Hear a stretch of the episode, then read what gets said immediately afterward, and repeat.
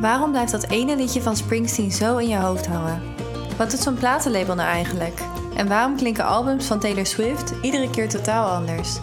Wij pluizen de succesformules van jouw favoriete artiesten uit in de podcast Klankdozen.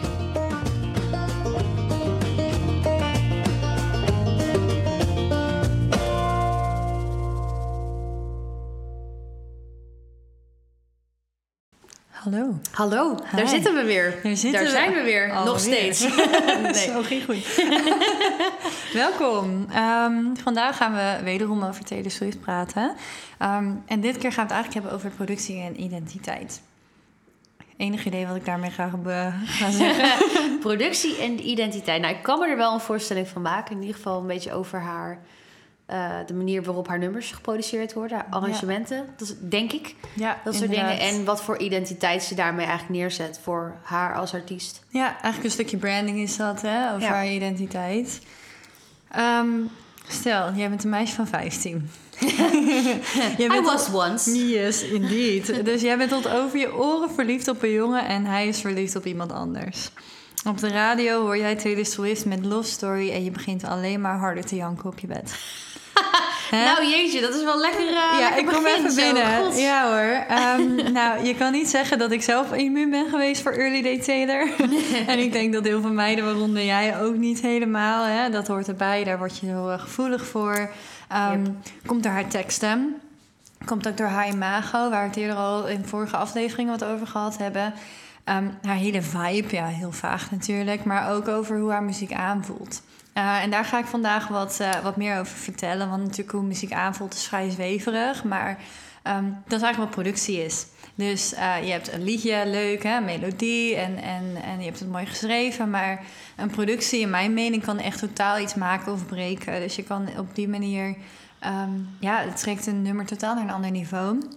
Maakt ook heel veel uit wat voor producers gewerkt hebben op een nummer. wat hun stijl is geweest. Want ja, je bent niet alleen als een songwriter. Je hebt heel veel mensen om je heen. Je hebt zelfs muzikanten die heel veel invloed hebben. Zeker, zeker in Nashville. Daar Ja. ga je echt niet tegen een muzikant zeggen... nou, ik wil het zo hebben. Dan gaan ze je heel erg eh, stom aankijken van... nou ja, oké, nou dan doe dat lekker zoals jij wil, joh. Ja, inderdaad. Die hebben, die hebben een eigen manier, hun eigen, en je huurt ze in daarvoor. Ja. Eh, dus dan moet je heel goed je mensen kiezen. En dat heeft Theo zelf ook gedaan, kom ik later op terug. Ehm, misschien eventjes, hè, wat is zo'n eh, zo'n productie? Is eigenlijk, ik zie het als het proces tussen het songwriten op bed en eigenlijk het nummer dat klaar is tot de radio. Dus dat heet een mastermix.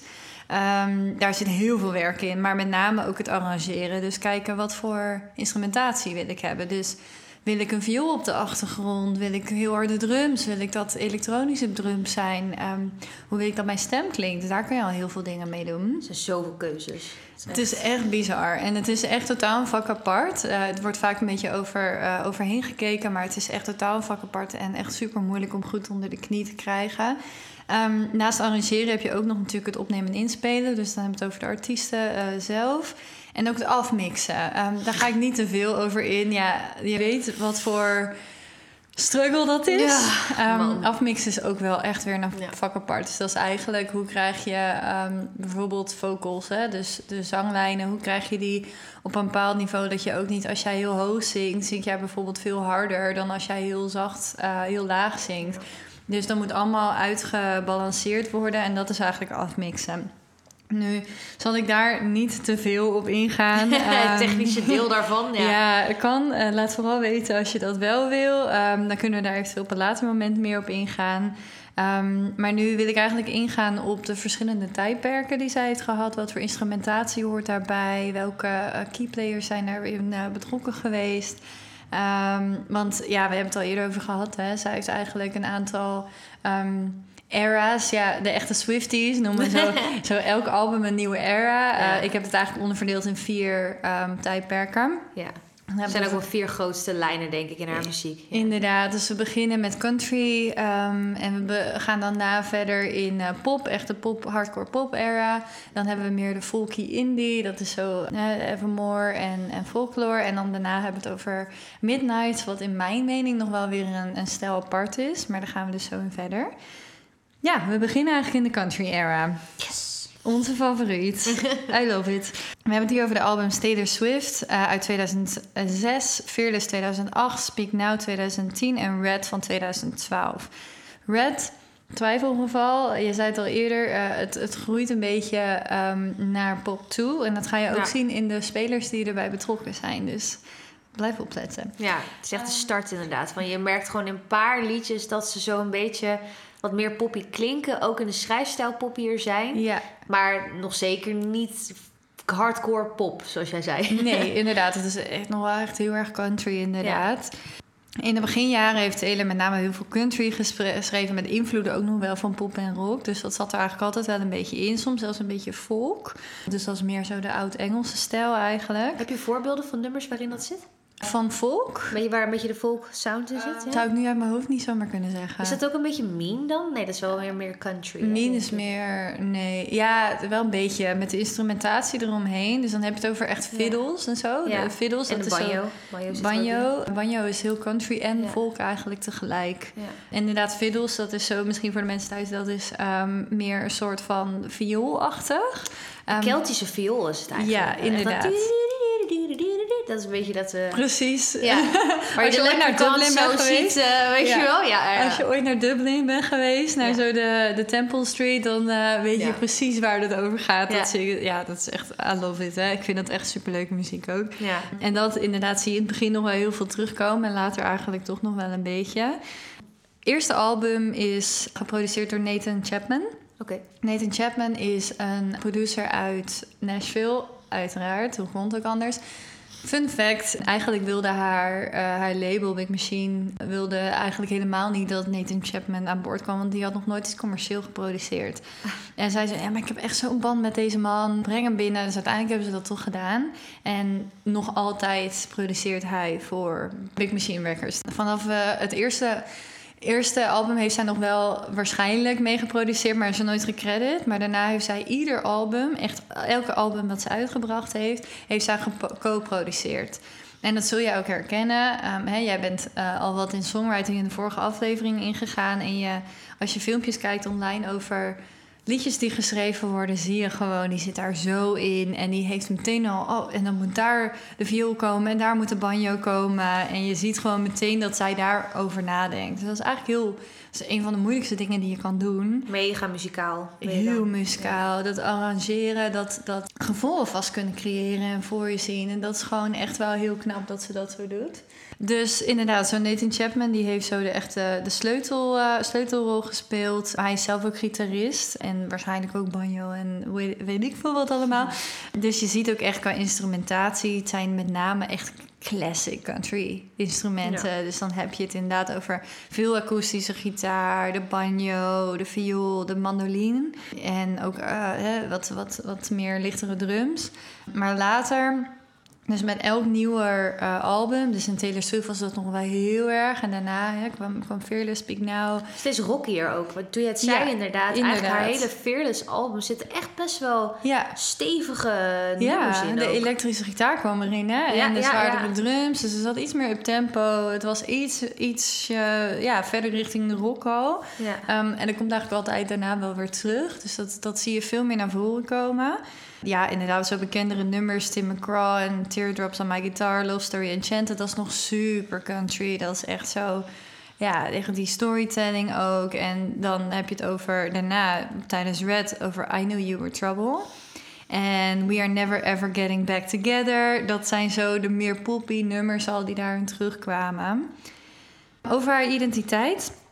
Tijdens haar eerste album, echt die American Sweetheart. Zo echt met de cowboy boots, Ja. de krullen, Oh, ja. de blondie, weet je. Echt zo'n Ja. knap meisje. Here for it, zo, eh, zelfs met die jurken, zo van die ballgowns. En echt zo super... Ook wel Girly eigenlijk. girly, ook wel conservatief gekleed. Want ze zat natuurlijk heel erg in de country. En country is best wel een conservatief eh, eh, Mhm. genre. Dus je ziet ook wel, hè, je, hebt, je moet het, het, het goede christelijke meisje uithangen. Dus je mocht ook totaal niet te se- seksueel eigenlijk uithangen. Ze was, ze was ook pas, pas eh 17, hè, toen ze begon. Dus is ook niet heel gek. Was een meisje, ja. En, en dat, dat komt zo heel erg naar voren daarin. Maar eigenlijk bij haar tweede album al kreeg ze een nieuwe stylist.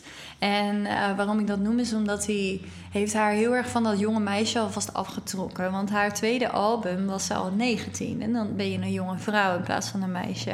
To be, hè? Dus Ja, het is ja, ja. niet al volgens alle eh, dingen, maar ja. Nee, zij- maar wel volwassener gewoon. Ik bedoel, 17, als je 17 bent, dan zit je inderdaad echt nog in je middelbare school. ja, tijd, Je bent echt 16, een meisje, 17, ja. ja. En nu was ze een jonge vrouw en daar moest ze zich ook meer naar kleden. Dus ze begon daar al wel wat meer dat imago ook te krijgen. Nu in 2019 gebeurde het incident van de VMA's. Ja. Wat gebeurde er? Zij had Video of the Year gewonnen. Zij stond op het podium. Was helemaal blij en trots dat zij haar eh, award gekregen had. In 2009 bedoel je toch? In 2009, ja. Ja, ja, precies. Klopt, uh, toen zij 19 was inderdaad. Dus, en toen kwam, toen kwam Kanye West het podium op. De Ja. vriendelijke man die die is. ehm, neemt haar microfoon over, schreeuwt... Beyoncé should have won. Of iets in die trant. En zei eigenlijk gewoon... Oké, ja, heel leuk allemaal, maar Beyoncé is veel beter.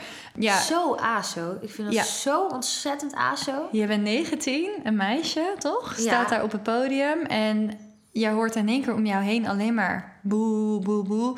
En dat was achteraf niet voor haar, maar zij dacht op dat moment... Oh, ze, ze, hè, ze zijn echt Ze vinden mij mij- verschrikkelijk. Ja, Ja, had naar Beyoncé moeten gaan. Ik sta hier maar. En die, was, die is daar heel erg door beschadigd. En dit incident krijgt eigenlijk nog wel een staartje. Maar op dat moment...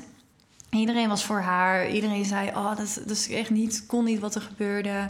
Obama heeft gereageerd. Oprah heeft gereageerd. zelfs. Ja, echt iedereen. Ja, Obama was natuurlijk net, net Ja. verkozen toen. Dus die was helemaal van, nou, ik ga even mijn shine pakken. En ik ga even voor Taylor Swift Ja. opnemen. Ehm, rooten, ja. ja, fijn. Maar ja, dus die heeft dat toen meegemaakt, wat best wel, best wel heftig was. Nou, daarna, eh, een, ja- een jaar ongeveer daarna, 2010, kreeg zij een aantal acteerklussen. Eh, zij begon inderdaad in films en series te spelen. Zij begon veel mensen te daten, mannen te daten. En werd nog altijd heel veel geïnterviewd over dat incident. En mensen begonnen haar eigenlijk een aandachtshoer te noemen. Ehm, Aandachtshoer? ja, die Daarvoor? vonden haar, ja, omdat zij elke keer werd er weer gesproken over dat incident. En zij hoefde dat helemaal niet. Zij had zoiets van, oh, laat dat nou zitten, weet je wel. Maar Het dat is was, gebeurd, ja. het is gebeurd, maar dat was nog het ding waar mensen nog over praten binnen showbiz. Dus zij zat daar te incasseren, maar wilde dat eigenlijk helemaal niet. En wat gebeurt er? Zij begint zich heel conservatief te kleden. Zij begint truitjes tot helemaal aan de neckline te dragen. En zo van, oh, ik ben vooral niet de aandachtshoer en ik ben vooral niet de serial dater. En probeert zich daar een beetje tegenin Welk te gaan. tijdperk is dat dan? In welk album staat ze dan? beetje dat is. Nou, is dat, ja, Ja. klopt. En tijdens Red begon zij zich al ietsje sexier weer te kleden. Want ze had zoiets van: weet je, laat maar. En ik, ik ga me er overheen zetten. En ze begon eindelijk haar seksualiteit iets meer te omarmen. Ze was wat meer out there. Ze droeg gewoon korte dingen. Zoals je van veel popsterren ook wel gewend bent. Dus je zet jezelf toch iets meer naar buiten. En dat is eigenlijk de eerste soort van voorbode van haar poptijd geweest. En dan gaan we ook naar de volgende. De De pop era.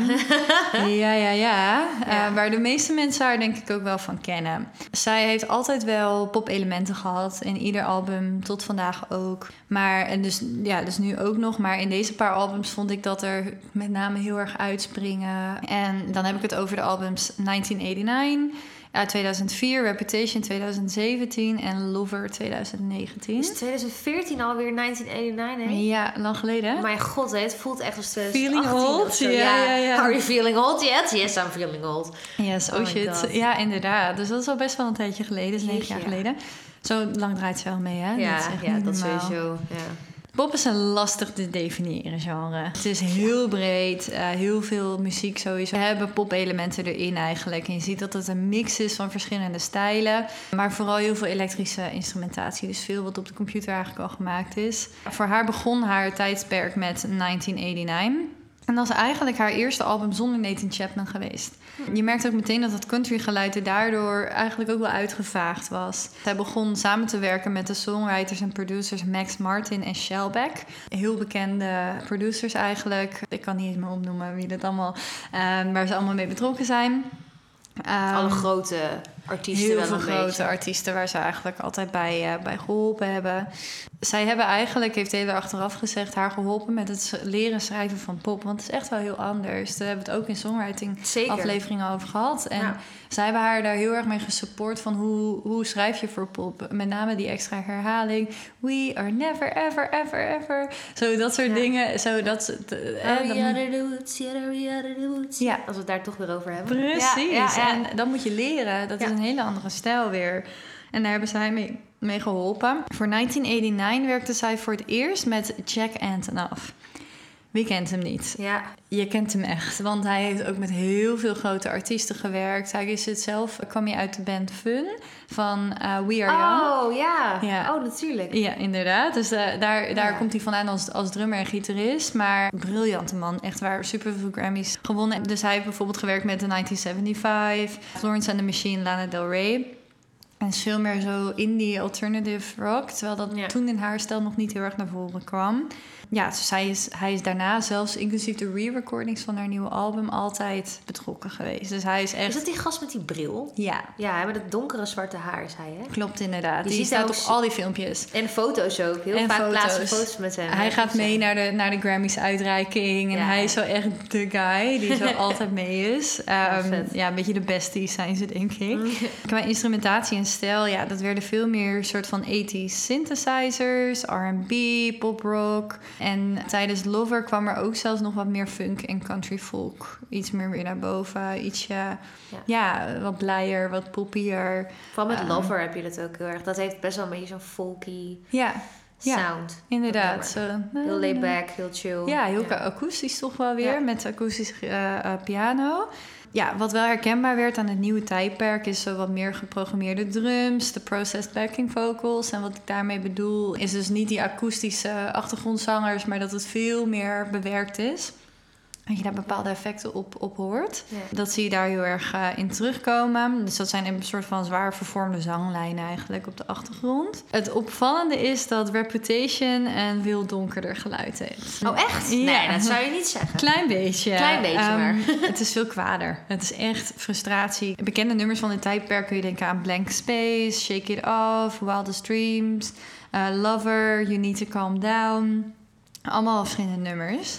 Van het pop, of van die donkere... Van die periode, nee, eigenlijk van die hele popperiode. Ja, zijn dat echt zo de vooraanstaande nummers waarvan ik dacht, die tekenen dat heel erg. En toen gebeurde er iets leuks. Na 1989. Kanye West, de beste man, kwam uit met zijn... Alweer! Is Alweer, weer? hij is weer terug, ladies and gentlemen. kwam uit met zijn nummer Famous. Wat stond er in die tekst? Me and Taylor might still have sex. Why? I made that bitch famous. Taylor zegt, ik heb nooit akkoord gegeven dat jij mij bitch noemt in een of ander nummer. Kanye zegt, jawel. Ietsje later Kim Kardashian, toen nog zijn vrouw, die released een telefoongesprek van eh, drie minuten of zo, waarin tussen hem en Taylor Swift, waarin zij toestemming zou hebben gegeven, of in elk geval dat ze gesproken zouden hebben over het nummer. Volgens Taylor eh, nooit gezegd dat daar bitch in voor zou komen. Wie gelijk heeft, ja, natuurlijk, wij zijn een beetje eh partijdig ja. daarin. Dus ik durf dat helemaal niet te zeggen. Maar ja, dat is natuurlijk wel een hoop gezeur. En er komt ontzettend veel shit over je heen op dat moment.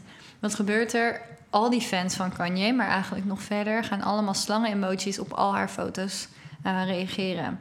Als een reactie van. You're a snake. You're a snake. Jij, jij eh, bedriegt ons allemaal. Je bent aan het liegen. Ehm, dus ja, die bleven dat maar, dan maar posten. Hierop heeft Instagram ook een filterfunctie voor de comments toegevoegd. Dus dat zegt ook maar hoeveel impact dat heeft gehad uiteindelijk. Het is gewoon pesten uiteindelijk, hè? Aha. Ze verdween uit het publiek op dat punt. Dus tot 2017 kwam ze eigenlijk amper in het openbaar of, of op events of iets dergelijks. Ze was natuurlijk volledig ja, uitgejoeld door het publiek. Ja, je kan je niet voorstellen hoe zwaar het is als miljoenen mensen jou haten eigenlijk. Dus dat is echt bizar.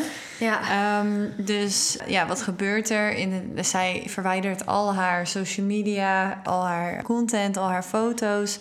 En begint eigenlijk als een soort reactie op die slangen-emoties... begint zij zelf ook een soort gifjes van slangen te plaatsen... in een soort van dikke middelvinger naar jullie. Ik pak het heft in eigen hand eigenlijk. Ik vond het zo scary, weet ik nog wel. Ja, dat het echt, echt- in één keer die slang alleen maar overal. En ik weet niet, het was gewoon best wel. Ja, dat je denkt, wat gaat hier ja. gebeuren? Hmm. nou, daar kwam dus Reputation. Reputation is echt een antwoord op de haat. Het is echt zo Look What You Made Me Do. Zo heel veel verschillende nummers waarvan je echt zegt... wow, oké, zij heeft echt... Ze pakt letterlijk voorbeelden van publiekelijke mening... En, en draait dat eigenlijk om en geeft daar een antwoord op... en zegt eigenlijk, ik pak het gewoon zelf in eigen handen. Maar je hoort dat ook wel heel erg in haar donkere vibe op het album... maar ook heel erg haar look was in één keer een soort van punk geworden. Um, echt zo van die sprietjes, zo super hoog geblondeerd en zo. Ja, heel erg seksueel ook, echt met name. Ze was echt een soort soort van puber bijna, die er zo tegenin ging, zo een beetje gothic-achtig. En toen tijdens Lover was dat weer helemaal klaar. En dat was twee, twee jaar daarna, was in 2019. En toen had ze eigenlijk, was ze er een beetje overheen gekomen, had je het idee. Het was in één keer allemaal roosgeuren maneschijn, super vrolijk. De muziek klonk ook heel veel vrolijker, veel luchtiger. Heel veel soort van tie-dye, kleuren ja, overal. Alles pastel, weet ik ook nog wel. Ja, roze en zo helemaal op een soort wolk. En ze was zelfs nog in een, een of andere videoclip met Katy Perry dat ze zo als een soort als frietjes en als een hamburger met elkaar weer omarmden of zo. Het was weer helemaal allemaal goed. En zoals je merkte dat ze zichzelf er soort van overheen had gezet. En ja, ze was zich ook toen aan het voorbereiden op haar Lover Tour. Nou ja, dus uh, helemaal klaar om, uh, om te gaan. En in 2020 corona, heerlijk. We all loved it. Dus uh, je bent artiest, je staat klaar om op een megatour te gaan... en de hele wereld gaat op slot. Ja, balen, natuurlijk. Zeker ook met alle grote collabs die ze toen gedaan hebben. Brandon Urie is natuurlijk... Uh, uh, dat Me-nummer mee uitgebracht. En alles mega groot aangepakt. Ja. Ook met alle promotie en dergelijke. En dan is het gewoon in één keer corona. Het valt allemaal in het niet. En het kaartverkoop was al geweest. Het is echt super, super balen natuurlijk. En het is jouw, jouw bread and butter, zoals ze mooi in het Engels noemen. Het is echt jouw levenswerk. En dus waar je ook je geld mee verdient. Dus dat is echt wel heel erg balen. Wat je merkt tijdens zo'n periode, en dat hebben we allemaal gezien. Ja, mensen zijn heel erg met zichzelf ook bezig. Hè? Je bent met je eigen problemen bezig. Maar aan de ene kant denk je, oh, wat kan ik allemaal wel niet? Aan de andere kant ben je, ik weet niet of hoe jij dat hebt ervaren, maar ik zat thuis en ik had een ukulele besteld. Um, zo van, kom, ik ga iets nieuws leren. Dus ik zat in één keer nieuwe dingen te leren en was veel meer terug met muziek bezig. En wij woonden op dat moment boven elkaar in hetzelfde ja, huis. Ja, klopt, ja. Dus onze buren hebben concertjes gehad, niet normaal. Ja, dat was mooi inderdaad. Gewoon zo op het balkon. En dan pakte ik mijn gitaar en jij pakte je ukulele. En dan hoorde je in één keer, er waren gewoon lekker aan het spelen. En in één keer ergens vanuit de verte, want bij ons huis heb je, had je toen zo'n soort van binnentuin. Eigenlijk alle appartementen keken uit op hetzelfde stuk vanaf het balkon. En in één keer hoorde je dan ergens in de verte Zo'n klapje. Ja, precies. Dat en we hebben verzoeknummertjes gehad. Ja, oh ja, ook dat Kun je ja. Mr. Prop spelen? Nou, wij Mr. Prop spelen. Dat was echt super schattig. Oh ja. ja. dus dat was... Je, je, merkt dat je ook wel weer creatief bent, toch? En ja, wat je gezien hebt is... Taylor heeft dat eigenlijk ook gedaan. Die heeft in haar slaapkamer of guest room, whatever... Die had een hele eigen home studio gebouwd. Echt best wel professioneel achteraf, tuurlijk. Ik bedoel, dus ze zwemt ja, het geld. ik bedoel, als je het um, geld hebt, dan boeit het ook allemaal niet. Nee. Inderdaad, laten we wel wezen. Dus die is gewoon gaan schrijven en die is gewoon gaan opnemen. En die heeft een, een uh, ja, op afstand heeft hij een team gehad die haar daarmee geholpen heeft. Ja. En die um, kwam in één keer als een soort verrassing. Was ook dezelfde dag, zegt ze: Jongens, folklore komt uit. Ja, oh. ik denk dat het voor haar ook echt een soort. Ik denk als je misschien, misschien heb ik het ook helemaal mis, maar als je diep van binnen bij haar zou kijken denk ik dat dat ook hetgene is wat haar het aller, aller, aller gelukkigst maakt. Tuurlijk ja. is het optreden en zo en op tour en dat is allemaal leuk. En dat vindt ze denk ik ook wel leuk. Maar dat wat ze daar heeft gedaan in coronatijd, dat is echt gewoon haar core. Je bent alleen met muziek bezig. Gevoel. Ja. Creëren, ja. art maken. Dat zegt ze ook heel vaak in, in de afgelopen interviews. Is het allemaal van ja, creating en making art. Ik ben een artiest in plaats van ik ben een. En bij ons is dat hetzelfde. Ja. Maar zo inderdaad, ik ben een, een kunstenaar, ben een artiest en niet zo. Een ja, product. precies. Ik ben geen product. Ik ben geen product, ben geen poppetje wat er staat. En dat heeft ze toen inderdaad gigantisch goed laten zien. Nou ja, niet heel veel later. Dus dat was in juli uit mijn hoofd. En in december kwam ze weer in één keer. Ah, surprise! Met Evermore Nog uit. eentje! Joehoe! Ja, precies. Um, en daar leiden we eigenlijk ook onze nieuwe tijdperk mee in. Dat is indie en folk eigenlijk. Het is zo'n andere vorm dan de poppy liedjes die ze daarvoor schreef. Het was totaal weer een andere vibe. Mensen noemden ook wel cottage rock. Um, en cottage, dat gaat om hè, van die hutjes, zo van, van die hobbit-hutjes, weet je wel. Ja, ja. Zo die, die sfeer, een beetje heel veel natuur zat erin verwerkt. Zag je ook in haar branding eigenlijk op dat moment. Heel erg zo. Ze heeft ook een keer zo'n show gedaan, toch? Volgens mij toen ze Cardigan deed. Ik weet even niet meer welke show dat was. Maar dat ze- was ook alles was een soort... Alsof ze ergens in een donker bos was. Midden in de nacht met zo'n huisje ook. Kan ik me nog herinneren. Ja, zo heel hoog inderdaad. Ik weet niet meer welke show dat was. Maar inderdaad, ze had echt een mega show neergezet daar met allemaal nummers die een soort medley werden. Ja. Ja, gewoon echt weer helemaal in de toch wel weer een beetje fantasy kwam weer terug. En ja, dus, dus rondom muziek, hè, je hebt indie folk en alternative rock. Dat zit, het komt er heel erg in naar voren. Het is wat meer mellow noemen we dat, zo iets meer kalm, iets rustiger, veel akoestischer. Ehm, het is niet zo die upbeat van pop die hij eigenlijk Nee. heeft. Ook al hoeft het niet altijd laag tempo te liggen. Ik vond het ook goed passen bij haar stem, vond ik. Ja, eigenlijk wat rustiger, wat minder... Want zij Ja, soms- lager. Ja. zij kan soms heel erg... Ja, dat heet twang. Dat is een soort zangtechniek waarop je heel erg zo... een soort van heksenstem zo... Eh, dat op gaat Kan je zetten. heel hoog mee. Kun je heel hoog mee. is fantastisch als je dat onder controle hebt. En dat is ook iets Ja. heel moeilijks. En de reden ook waarom meeste eh, zangers die heel hoog zingen... niet hun stem volledig vernachelen. Maar inderdaad, nu eindelijk kwam het... de rustige, eh, zachte stem die ze eigenlijk heeft... kwam veel meer naar boven. Ja. Inderdaad, dat is een goed punt. En, en veel akoestische piano wat je, wat je hoort. Veel akoestische gitaar. Eh, synthesizers zitten er nog wel veel in. Maar ook veel strings. Zo de classic... eh, dat zat er Mhm. ook nog heel veel tussen. Ja, haar vertrouwde samenwerking natuurlijk met Jack Antonoff. En dit is volledig in zijn straatje. Hè? Dus die kwam weer helemaal... te- die is echt welkom van de indie af. En zo ook met Lana Del Rey waar hij mee gewerkt heeft. Echt zo dat bombastische, dat zware... Maar wel dat een beetje melancholisch is het Melancholisch eigenlijk. Ja. is een goede manier omdat ze, want dat is heel Ja. erg haar albums daar, hè? Ze heeft heel erg, terwijl eh folk kan ook heel upbeat zijn, maar indie is dan net wel weer wat emotioneler eigenlijk. Ja. En Dramatischer haast. wel. Dat vind ik met Dramatischer. Lana Del Rey vind ik dat ook. Die heeft ook echt die... een stoppunt van dramatische Ja. muziek eigenlijk, ja, toch? klopt, ja. en, en Ja. dat is gewoon een stijl. Ja, ik vind het wel vet, maar het is inderdaad wel heel erg. En ook rondom teksten, ja, wat cryptischer, zo net, hè? Dat, dat waar we het vorige keer in de songwriting aflevering ook over gehad hebben. Ja. Zij betrok daarbij ook de broers Aaron en Bryce Dessner. Aaron komt van eh, de indie band The National ook af. En die hebben ook echt een indie achtergrond. En dat hoor je dus heel erg terugkomen, hè, die drie mannen. Bekendere nummers van het album zijn zo Cardigan, Exile... die ze samen met Bon Iver heeft gedaan. Echt een van de Oh, zo'n mooie stem. Ehm, en Willow en een van mijn favorieten, Betty, waar jij ook vorige keer al hebt uitgelegd over de, de driehoeksverhouding Ja. ehm, van, eh, van die nummers.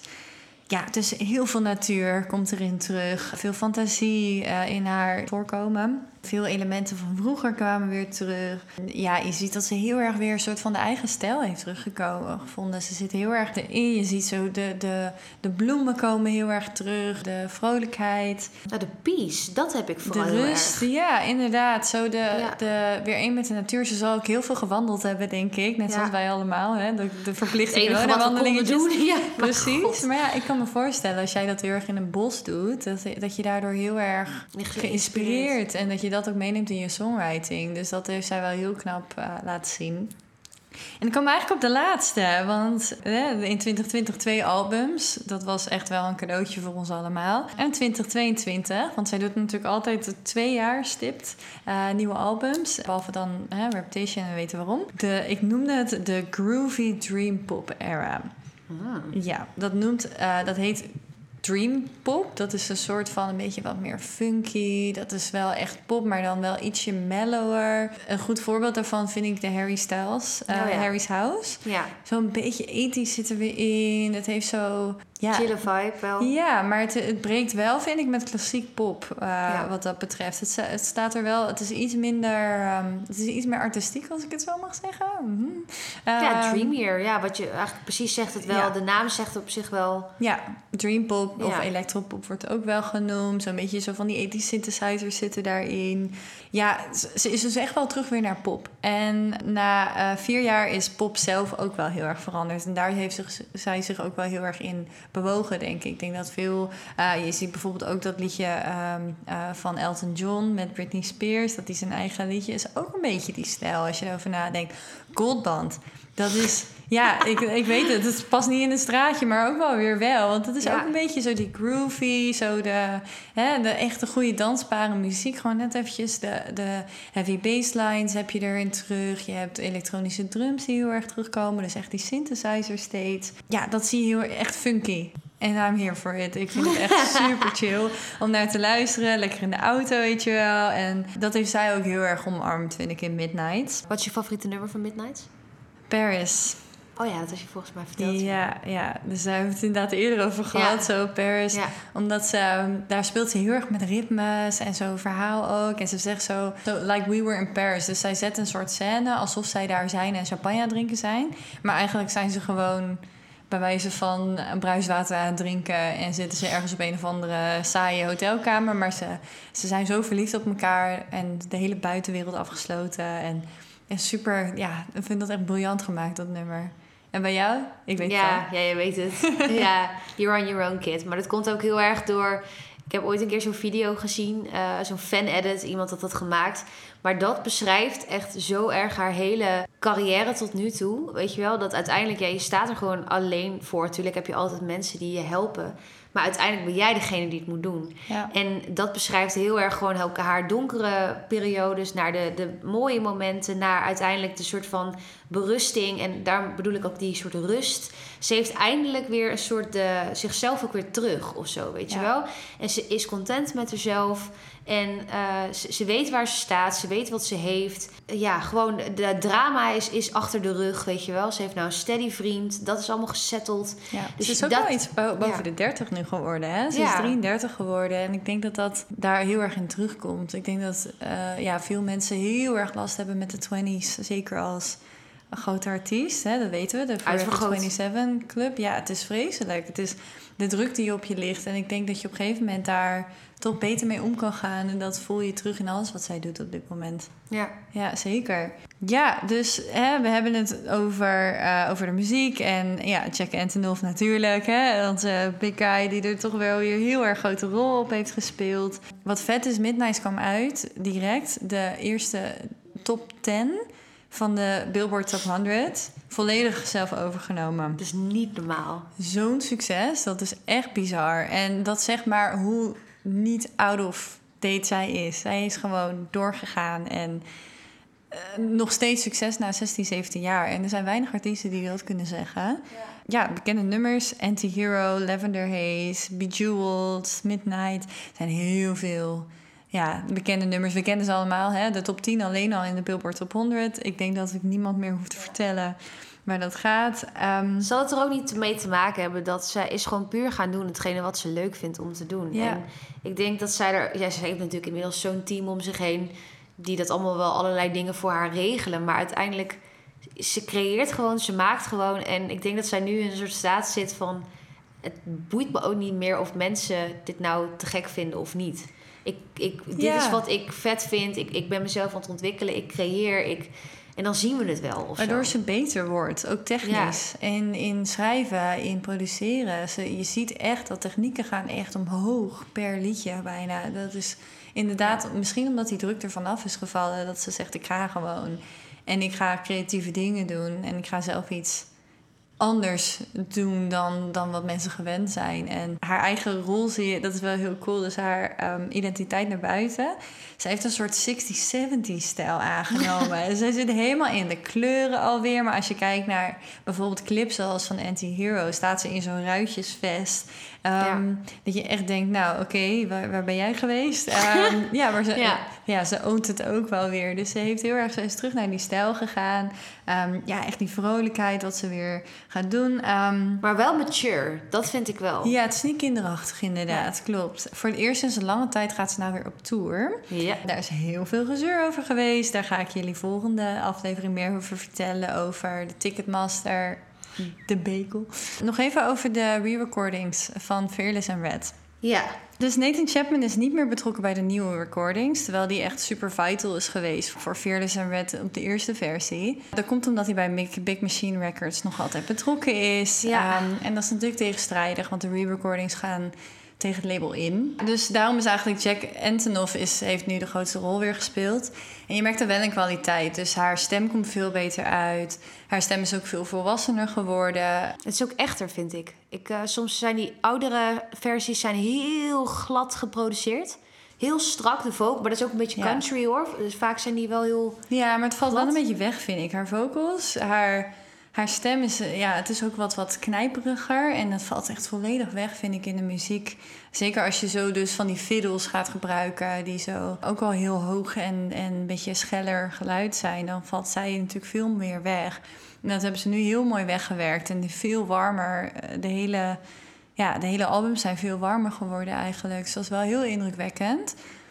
Je moet je voorstellen, al die mensen moeten weer bij elkaar. De producers moeten weer bij elkaar. Ze moeten allemaal er weer terug in, want ze mag niks van haar oude recordings gebruiken. Dus ze heeft dat volledig opnieuw moeten doen. Heel veel werk is daarin gestoken. Maar ik zal dus nogmaals ja. laten uitleggen waarom ze dat uiteindelijk gedaan heeft. Maar het is dus des te indrukwekkender wat zij nu voor elkaar gekregen heeft met deze twee albums. Alleen maar beter worden. Uh, dus we gaan hierna nog meer albums zien. Uh, er gaan nog meer komen uh, die gere-record worden. Dus dat zal ook wel weer echt een missie zijn om ook dingen van de Vault, noemt ze dat. Dus nummers uitbrengen die ze eerder nog nooit uitgebracht hadden. Omdat haar label dat tegen zat eigenlijk. Om echt te zeggen, oké, we gaan hier nu zoiets vets neerzetten. En we gaan het nog beter maken. En ja, dat kan alleen maar beloven uh, wat voor betere nummers er nog gaan komen. Want je ziet echt dat de creativiteit er weer terug in zit. En, en dat ze gewoon weer de vrijheid heeft. Um, ja, dus ik ben gaan, benieuwd. Ja, ik ga veel, veel meer uitleggen aan jullie allemaal. Volgende aflevering over, hè, ik noem het de business, de businesswoman. Dus wat zit daarachter? Waar verdien je aan? Um, haar branding. Haar branding, maar ook hoe zit dat nou eigenlijk met zo'n zo'n licenties? Want daar gaat het hele verhaal om. En ook in, zeker in haar tijd, we zijn overgestapt van CD's naar streaming mega, mega stap voor artiesten. En ook bij heel vaak een negatieve stap. Ja. Dus hoe gaan we dat tegen? Je hoort het volgende week. Oké, nou, tot de volgende keer. Vond je dit nou een leuke podcast? Je kunt ons steunen door te volgen op social media en Petje Af. Laat ons vooral weten welke artiesten we hierna moeten uitpluizen. Tot de volgende!